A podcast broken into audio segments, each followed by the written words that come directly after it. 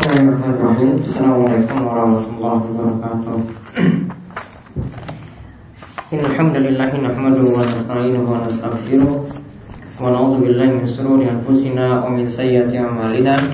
May yahdihillahu fala mudilla lahu wa may yudlilhu fala hadiyalah wa asyhadu an la ilaha illallah wahdahu la syarika lah. Wa asyhadu anna muhammadan abduhu wa rasuluh Allahumma shalli ala nabiyyina wa sayyidina Muhammadin wa ala alihi wa man tabi'ahum bi ihsan ila yaumiddin. Baik ikhwan fiddin wa akhwat fillah rahimani wa rahimakumullah. Alhamdulillah pada kesempatan sore hari ini kita diperjumpakan lagi oleh Allah Subhanahu wa taala dalam majelis yang mulia. Mudah-mudahan Allah Subhanahu wa taala memberkahi majelis kita ini, mengaruniakan kita ilmu yang bermanfaat dan mudah-mudahan kita di antara hamba-hamba Allah yang juga diberi taufik untuk beramal soleh dan kita terus diberikan keistiqomahan. Tapi pada kesempatan kali ini kita akan kembali melanjutkan tentang masalah fikih wanita yang kita kaji dari pembahasan Syekh Saleh Al Fauzan bin Abdullah Al Fauzan yaitu dari karya tulisan atau risalah beliau Tanbihat Al Ahkami Taktasubil Mu'minat yaitu peringatan-peringatan yaitu hukum yang berkaitan khusus dengan wanita mukminat dan kita masih dalam pembahasan tentang masalah sholat ya, yaitu hukum sholat bagi wanita. Ya seputar hukum sholat bagi wanita. Pada kesempatan kemarin sudah kita lewati beberapa poin yaitu di antara yang beliau jelaskan di sini adalah yang kemarin kita bahas terlebih dahulu mengenai hukum meninggalkan sholat yang hukum meninggalkan sholat intinya adalah dosa besar. Dan menurut pendapat yang rajih pendapat yang lebih kuat orang yang meninggalkan sholat itu kafir. Kemudian langsung beliau bahas beberapa poin di antaranya yang berkaitan dengan masalah sholat yaitu dijelaskan yang pertama tidak ada azan dan iqomah bagi wanita yang ingin menjalankan sholat. Ya karena dalam azan itu butuh untuk dikeraskan suara sedangkan wanita tidak diperkenankan untuk mengeraskan suara seperti itu Kemudian yang kedua dijelaskan mengenai aurat wanita di dalam sholat. Ya, jadi seluruh tubuh wanita itu adalah aurat kecuali wajahnya. Jadi wajahnya boleh terbuka di dalam sholat kecuali jika ya wanita tersebut itu berada di, di hadapan laki-laki yang bukan mahram. Kemudian yang ketiga ya yang beliau jelaskan lagi adalah tentang masalah sholat perbedaan antara sholat laki-laki dan perempuan. Di sini menurut mazhab yang dipegang oleh Syekh Shalal Al Fauzan, sholat laki-laki dan perempuan intinya itu sama kecuali dalam hal ya saat ruku dan saat sujud itu tidak terlalu terbuka. Ya hendaklah ketika ruku ataupun sujud ya tidak terbuka tetap menutup ya artinya saat ruku atau sujud ya terutama pada saat sujud tangan tidak terbuka menurut beliau ya ketika itu hendaklah lebih ditutupi karena tujuannya untuk menutupi aurat yang lebih sempurna. Baru yang keempat yang kita bahas lagi adalah yaitu sholat jamaah bagi wanita. Ya, sholat jamaah bagi wanita intinya Ya, sesama wanita itu boleh mendirikan sholat berjamaah atau kata beliau kata sholat Fauzan pendapat yang lebih kuat yaitu tetap masih disunahkan ya bagi wanita untuk melaksanakan sholat berjamaah sesama ya wanita. Nah sekarang kita lihat ya poin yang saat ini kita bahas yaitu poin yang kelima. Di sini beliau sebutkan yubahu lin nisa al minal buyut lissolah ma'ar rijal fil masajid wassolatuhunna fi buyutihin fi buyutihinna khairun lahun yaitu dibolehkan bagi para wanita untuk keluar dari rumah dalam rangka untuk melaksanakan sholat berjamaah bersama laki-laki di masjid. Wanita boleh dibolehkan untuk keluar menuju masjid untuk melaksanakan sholat berjamaah. Untuk melaksanakan sholat berjamaah. Namun di sini beliau katakan sholat para wanita itu di rumahnya itu tetap lebih baik. ya sholat wanita di rumahnya tetap lebih baik. Namun di sini kalau kita katakan boleh nggak ketika itu wanita itu keluar menuju masjid untuk melaksanakan sholat berjamaah, jawabannya dibolehkan. Di sini ada beberapa dalil yang beliau bawakan. Di antaranya adalah hadis yang diriwayatkan oleh Imam Muslim dalam kitab sahihnya dari Nabi SAW annahu qol bahwasanya Nabi SAW itu bersabda la tamna'u ima Allahi masajidallah Janganlah kalian itu menghalangi wanita-wanita yang ingin melaksanakan sholat di masjid-masjid Allah Subhanahu wa taala, di masjid-masjid Allah. Jadi wanita tidak boleh dihalang-halangi untuk menuju masjid. Ya, jadi suami ketika misalnya di ditanyakan oleh istrinya atau istrinya itu meminta izin pada suami apakah boleh pergi ke masjid atau tidak, tetap ketika itu suami mengizinkannya. Namun ya di sini tetap harus ada uh, permintaan izin dari istri kepada suaminya ketika dia mau pergi keluar seperti itu. Kemudian juga dalam hadis Nabi SAW yang lainnya la tamna'un nisa akhyurizna ilal masajid wa biyutuhunna khairul lahun. Janganlah kalian itu menghalangi para wanita untuk keluar menuju masjid. Namun rumah mereka itu tetap baik untuk mereka. Nah, di sini dikatakan Syekh mengatakan fabaqa'uhunna fil buyut wa salatuhunna fiha afdalu lahunna min ajli tasattur. Yaitu wanita itu di rumah mereka, mereka sholat di rumah mereka itu tentu saja lebih baik, lebih afdal bagi para wanita tersebut ya karena ini tujuannya wanita itu diperintahkan untuk menutupi diri. Jadi kalau dia di rumah itu lebih bagus daripada dia itu memilih untuk keluar rumah. Nah ini sekarang selanjutnya beliau menyebutkan adab-adab bagi wanita jika dia memutuskan untuk sholat berjamaah sekali-kali di masjid. Ya, di sini harus diperhatikan ada beberapa poin yang di sini beliau sertakan. Ya, adab wanita menuju masjid. Jadi bisa dicatat ada beberapa adab di sini. Adab wanita menuju masjid. Yang pertama, Yang pertama antakuna mutasattira bisiyab wal hijab al kamil. Yaitu para wanita itu hendaklah menutupi diri dengan pakaian dan hijab yang sempurna. Jadi ketika keluar itu sudah menutupi diri, sudah menutupi auratnya. Ya, tidak seperti sebagian wanita yang ketika pergi ke masjid, ya, keadaan rambutnya masih terbuka, tidak memakai jilbab, tidak memakai mungkenanya misalnya, namun mungkenanya sama sejadahnya itu ditenteng. Ya, pergi ke masjid itu ditenteng tadi, ya nanti baru di masjid baru menggunakannya. Ini tidaklah tepat. Kalau dia ingin pergi ke masjid, maka sejak dari rumah dia sudah menutupi auratnya. Nah di sini ada hadis dari Aisyah radhiallahu anha ia mengatakan ya kanan nisa isallina ma'a Rasulullah SAW.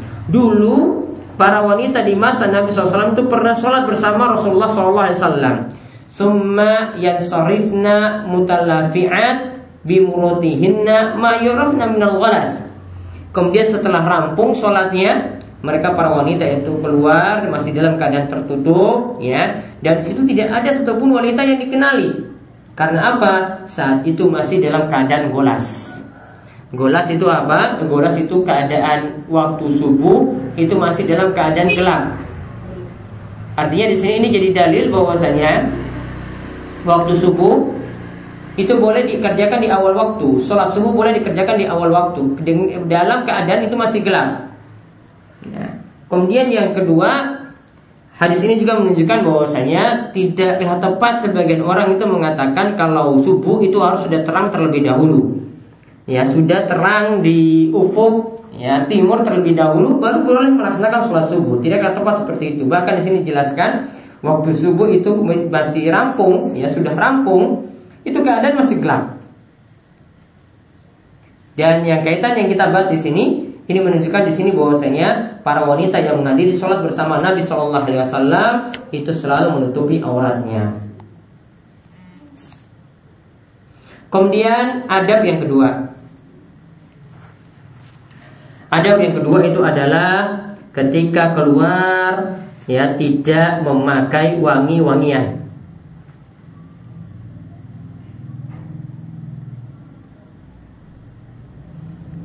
Ya, tidak memakai wangi-wangian. Di antara dalilnya itu adalah hadis Nabi Shallallahu Alaihi Wasallam La tamna'u ima Allah masajid Allah Janganlah kalian itu menghalangi para wanita Yang ingin melaksanakan sholat di masjid. Waliyakhrujna tafalan. Namun hendaklah para wanita itu keluar dalam keadaan tafalat Yang dimaksudkan sini tafalat di sini adalah Goyro mutatibat Yaitu tidak memakai wangi-wangian Jadi dibolehkan keluar namun tidak memakai wangi-wangian dan ini berlaku, ini pergi ke tempat mulia saja seperti itu tidak memakai wangi-wangian karena ini dapat menimbulkan fitnah bagi laki-laki, dapat menimbulkan godaan bagi orang-orang yang nanti dia akan lewati. Ya, apalagi misalnya memakai parfumnya, ya parfumnya itu baru kecium ketika sudah 100 meter. Ya, ini jelas-jelas sangat tidak dibolehkan. Ini sangat luar biasa bahayanya.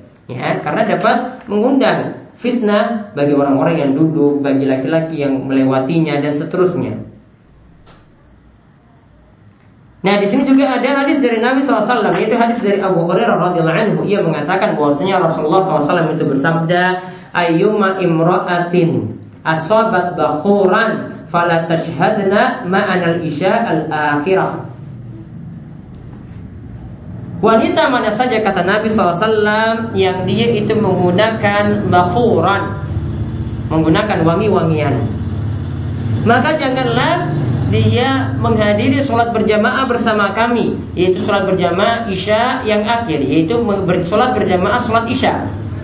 Janganlah dia hadir ketika itu ketika dia memakai wangi wangian saat itu. Hadis ini diriwayatkan oleh Imam Muslim min hadis Zainab dari hadis Zainab Imrah ibn Mas'ud dari eh, Zainab Imrah ibn Mas'ud juga disebutkan ya riwayat yang mengatakan idza syahidti ihdakunnal masjida fala tamsa thiban. Ya, jika kalian wahai para wanita salah seorang di antara kalian itu menghadiri sholat berjamaah di masjid maka janganlah kalian itu memakai wangi-wangian ya janganlah kalian itu memakai wangi-wangian jadi wangi-wangian di sini ya cuma dibolehkan ketika dia itu di hadapan suaminya untuk berias diri di hadapan suaminya tidaklah ada ketika dia sedang keluar rumah, sedang keluar untuk menuju masjid, misalnya untuk melakukan sholat berjamaah. Bahkan tentang kisah seperti ini juga pernah ada kisah dari Umar bin Khattab dan kita tahu bahwasanya Umar bin Khattab itu adalah orang yang sangat keras. Saat itu dia cium dari jauh ada di antara jamaah wanita itu yang pakai wangi-wangian. Ya, lantas dia masuk ke saf-saf para wanita, dia lihat ya sampai sebelum si Umar ini datang ke sah para wanita ada yang memakai wangian kira-kira itu dan dia itu merasa bersalah sampai hampir kencing celana di tempat. Ya gara-gara ya dia tahu bahwasanya seperti ini tidak dibolehkan jadi intinya di sini hal ini adalah dilarang oleh Nabi SAW bahkan juga dilarang keras oleh para sahabat radhiyallahu anhum. Nah di sini Imam Syaukani tentang masalah ini mengatakan Imam Syaukani dalam kitabnya Nailul Awtar dia mengatakan bahwa ini adalah dalil bahwa keluarnya wanita menuju masjid itu memang dibolehkan.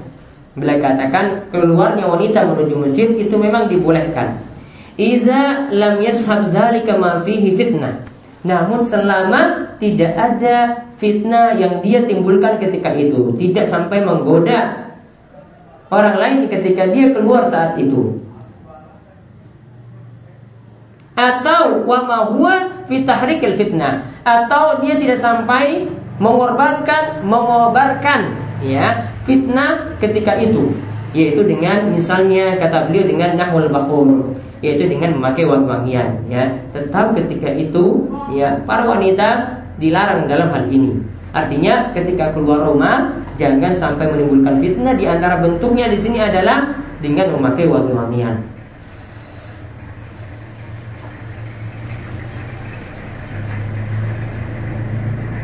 Dan di sini Asyokani itu mengatakan juga bahwasanya dari hadis-hadis yang ada yang menjelaskan tentang dibolehkannya wanita yang telah meminta izin kepada suaminya untuk pergi ke masjid. Ya, di situ disyaratkan bahwasanya mereka itu boleh keluar mayatu ilal fitnah selama tidak menimbulkan fitnah ketika itu min taibin au huliyin au aizinatin ya selama mereka keluar itu tidak menimbulkan fitnah dengan wewangian yang mereka pakai tidak menimbulkan fitnah dengan perhiasan yang mereka pakai tidak menimbulkan fitnah dengan pakaian yang mereka itu kenakan. Jadi dibolehkan keluar namun syarat-syarat inilah yang mesti dipenuhi. Kemudian yang ketiga ada wanita menuju masjid Tidaklah dibolehkan wanita keluar rumah dalam keadaan berpakaian yang penuh hiasan ataupun ya juga menampakkan hiasan-hiasan yang dia itu miliki. Jadi tidak memakai baju-baju yang situ tujuannya untuk berhias diri ya. dan juga tidak memakai perhiasan ya yang di situ juga tujuannya juga untuk berhias diri. Itu tidak dibolehkan.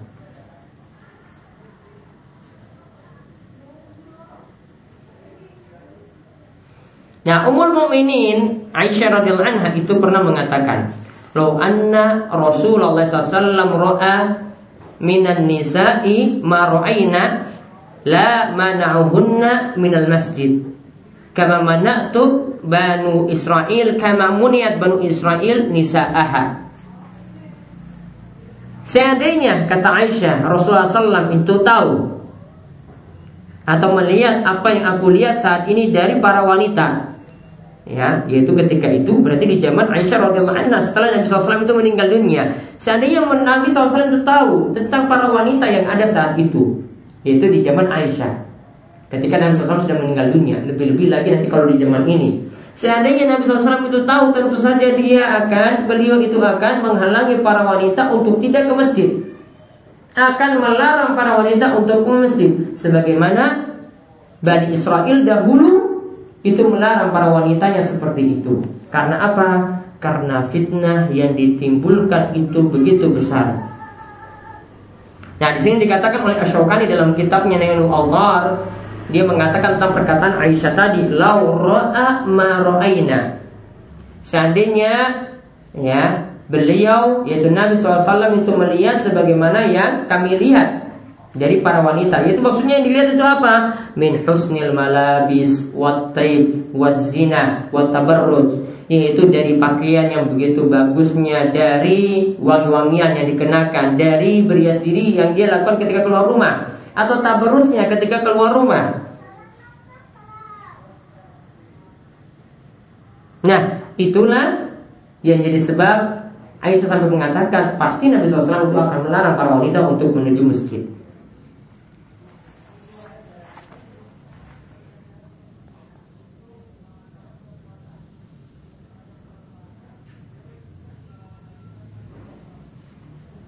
Dan kemudian di sini juga ada perkataan yang dinukilkan oleh Syekh Saleh Al Fauzan dari perkataan Ibnu Jauzi rahimahullah dalam kitab beliau Ahkamun Nisa. Di sini disebutkan bahwasanya yang bagi lil mar'a an tahdhara min al khuruj mahma amkanaha. Sudah sepatutnya para wanita perlu waspada ketika ingin keluar rumah. Artinya tidak sering-sering dia jadi uh, keluar rumah kecuali kalau sesuatu yang dia itu butuhkan. Ya tidak sering-seringnya dia itu keluar rumah. In salimat fi nafsiha lam yaslim an-nas minha. Jika wanita tersebut itu selamat. Artinya ketika dia keluar rumah itu dia aman. Namun belum tentu yang lainnya itu merasa aman dari dirinya. Belum tentu yang, lainnya itu merasa aman dari fitnah yang dia itu timbulkan. Fa idza tarrat ila al-khuruj kharajat bi isni zawjiha fi ay fi hayati risatin ya. Jika dalam keadaan darurat dia itu butuh untuk keluar rumah maka hendaklah yang pertama dia lakukan adalah dia minta izin kepada suaminya. Kemudian waja'alat tariqaha fil mawadil al khaliyah dun syawari wal aswaq.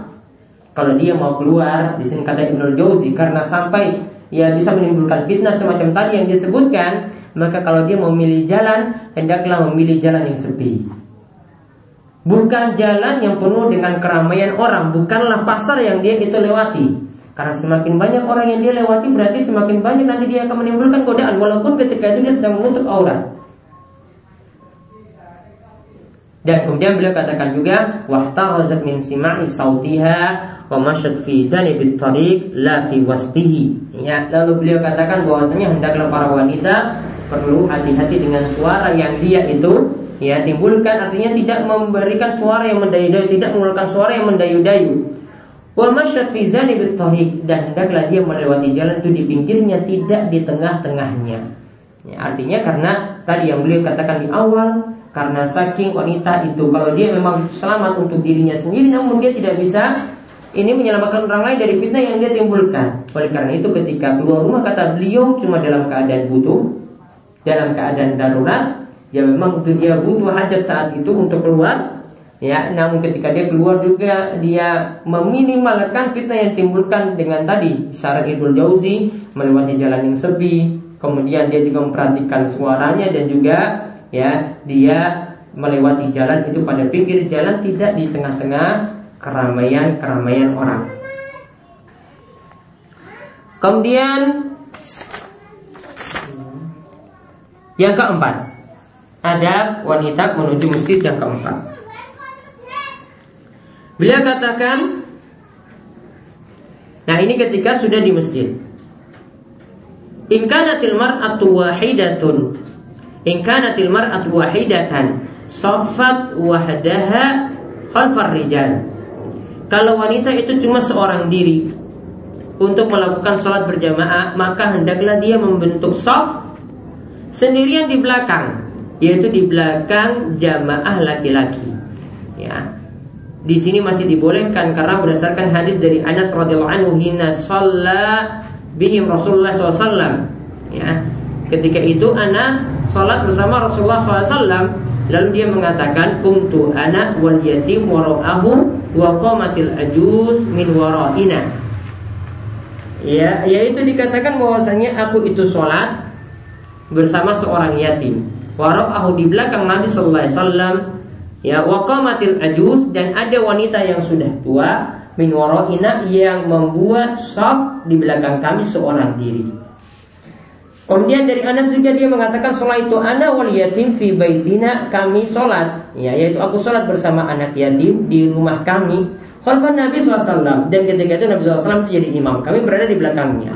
Wa ummi khalfana dan ibuku itu ada di belakang sana di belakang kami. Yaitu ibunya adalah Ummu Sulaim.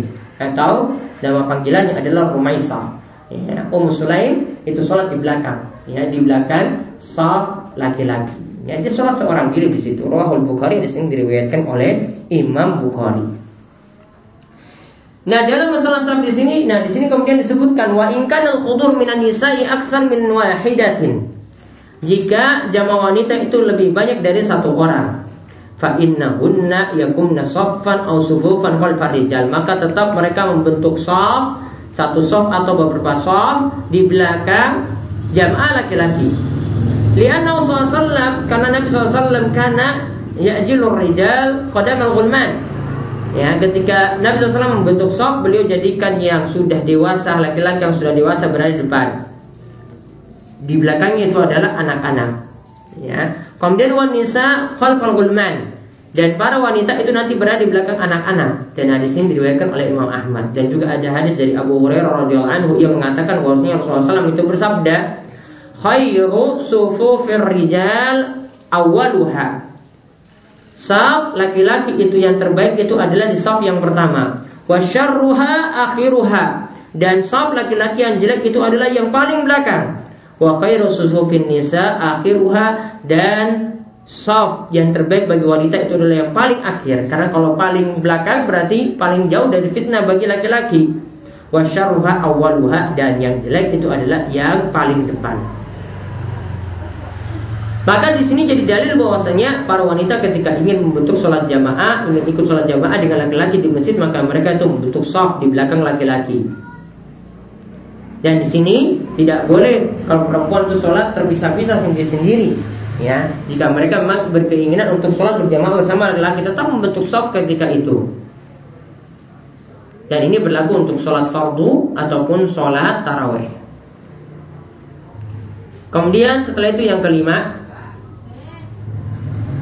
di sini juga ada wanita menuju masjid. Di sini masih sudah di dalam sholat.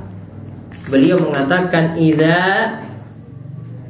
sahal imam." Jika imam itu lupa, fi sholat fa innal marha fa innal mar'ata tunabbah tanabbaha bi tasfiq bi batni kafiha al ukhra ya. lihat uh, ketika imam itu lupa maka para wanita itu nanti mengingatkan imam dengan cara menepuk tangannya yaitu dengan cara menepuk telapak tangan eh, tangan uh, bagian dalam telapak tangan dalam bagian dalam telapak tangan kanan itu menepuk ya punggung telapak tangan yang lainnya. Jadi bukan bagian dalam telapak tangan menepuk bagian dalam telapak tangan bukan. Itu namanya tepuk yang main-main. Ya, namun caranya gimana lihat? Uh, kita perhatikan lihat. Ya, saya terangkan di sini. Ya, bagian telapak bagian dalam telapak tangan kanan. Ya, bagian dalamnya itu menepuk punggung. Jadi sama dalam keadaan kita sedekap. Jadi cuma menepuk begitu aja seperti itu. Nah, para wanita nanti ketika mengingatkan imam seperti tadi. Nah, inilah disebutkan oleh Nabi SAW wa iza nabakum fis shalah syai' falyusabbir rijal wa nisa. Ya, jika ingin kalian untuk mengingatkan imam, maka laki-laki itu mengingatkannya dengan bertasbih subhanallah, mengucapkan subhanallah, sedangkan para wanita itu dengan menepuk ya telapak tangannya yaitu bagian dalam telapak tangan kanan untuk menepuk punggung telapak tangan kiri. Kenapa di sini kok tidak dengan bacaan tasbih? Ini para ulama simpulkan li anna sautal mar'a ya karena ya suara para wanita itu dapat memberikan godaan bagi laki-laki. Fa umirat bin tasbih wala takallam dan di situ diperintahkan untuk ya e, menepuk telapak tangan bukan dengan bersuara.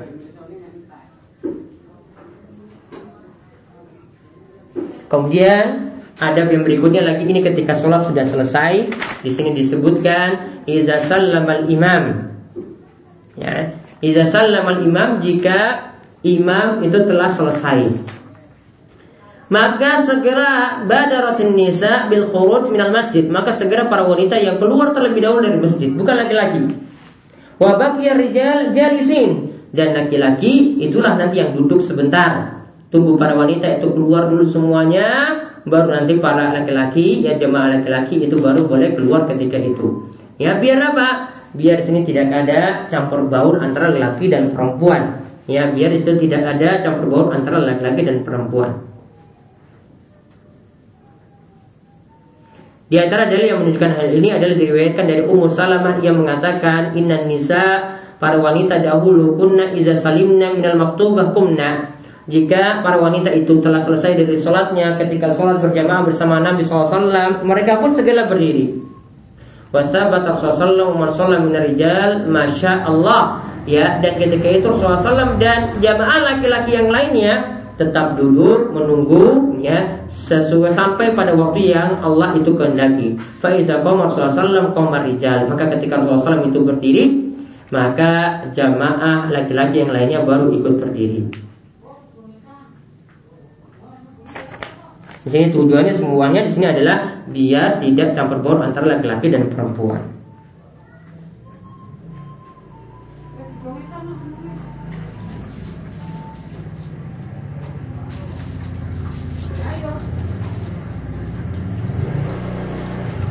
Nah ini beberapa poin saja yang kami sampaikan. Dan insya Allah masih bahasan sholat masih ada beberapa lagi. Ya nanti yang kita bahas pada pertemuan berikutnya insya Allah. Dan bahasan berikutnya juga nanti masih ada bahasan tentang seputar sholat tapi tentang sholat jenazah, sholatul janazah. Nah itu saja yang bisa kami sampaikan. Mudah-mudahan bermanfaat. Mudah-mudahan Allah subhanahu wa ta'ala terus memberikan kita keistiqomahan Untuk terus belajar Dan juga kita dimudahkan untuk mengamalkan ilmu Yang telah kita pelajari Ini demikian para jamaah uh, Para akhwat sekalian Jika ada yang ingin ditanyakan Monggo kami persilahkan Jika ada yang ingin bertanya langsung Monggo Ya yeah.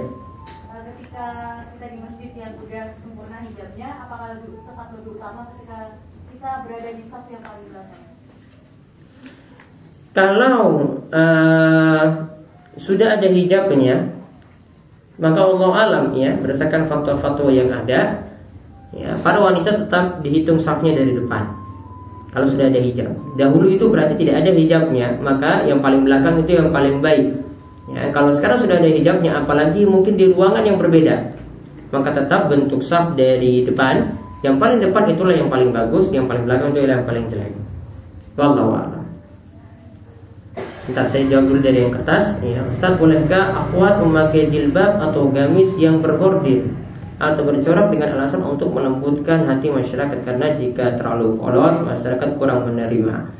Kalau bordirannya tadi di sini berbordir sini atau tadi bercorak Uh, di sini perlu dipandang atau dilihat terlebih dahulu apakah di situ menimbulkan fitnah atau tidak. Atau ini cuma bordiran biasa. Kalau bordirannya bordiran biasa. Atau coraknya itu corak biasa.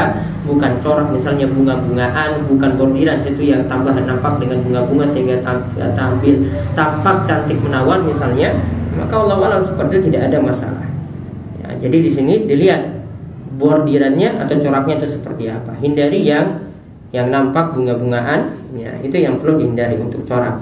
Bordirnya juga demikian. Yang nampak ber, yang nampak memper, uh, menampakkan perhiasan diri itu saja yang tidak boleh ya dipakai ketika itu. Dengan alasan untuk melembutkan hati masyarakat tetap harus memperhatikan aturan-aturan yang ada. Jadi intinya tidak selamanya pakai polos wallahu ada lagi? Ya. Kan laki-laki nah itu tuh bagusnya tuh duduknya tuh di depan atau di belakang karena cenderung tuh laki-laki juga uh, duduknya tuh banyaknya di belakang laki-laki itu banyaknya di belakang. Apa tidak bisa dipisah antara sisi kanan dan sisi kirinya? Atau laki-laki di sisi kanannya perempuan di sisi kiri. Itu kan biasanya ada kalau di kampus ya perempuan tuh lebih dominan. Misalnya ambil di sebelah kanan laki-laki sebelah kirinya misalnya ya kalau seperti itu ya sudah gabung dengan para perempuan ya terserah mau di depan di belakang. Namun kalau tidak bisa seperti itu ya kalau laki-laki itu yang banyaknya itu di belakangnya para wanita itu di depan walaupun cuma seorang diri di situ. Allah ya. jadi dilihat sabnya seperti apa. Namun bagusnya tadi yang bisa dipisah sisi kanan sisi kiri antara laki-laki dan perempuan. Allah ada lagi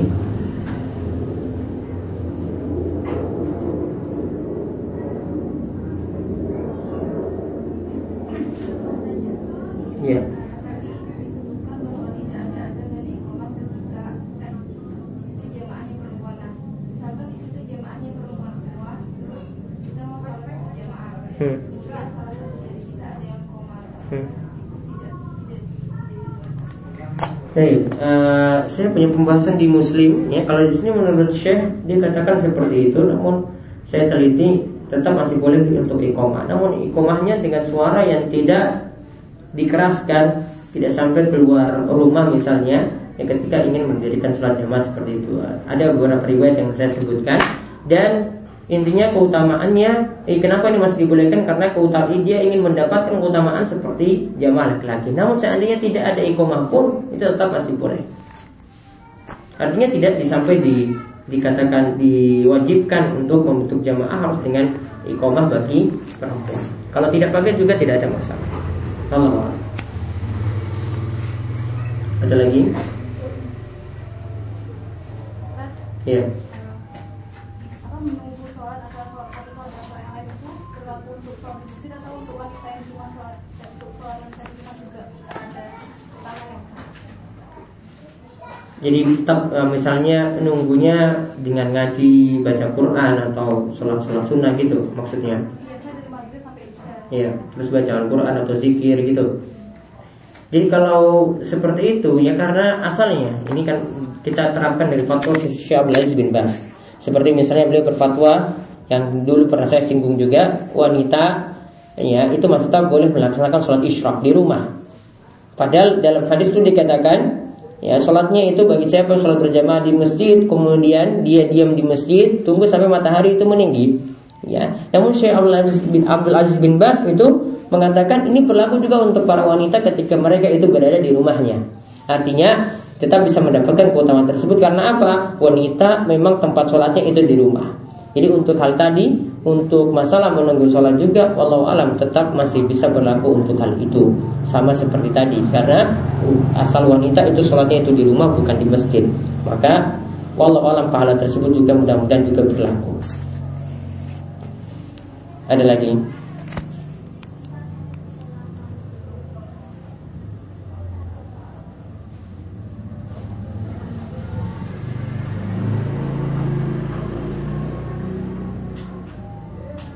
Ada lagi yang bertanya?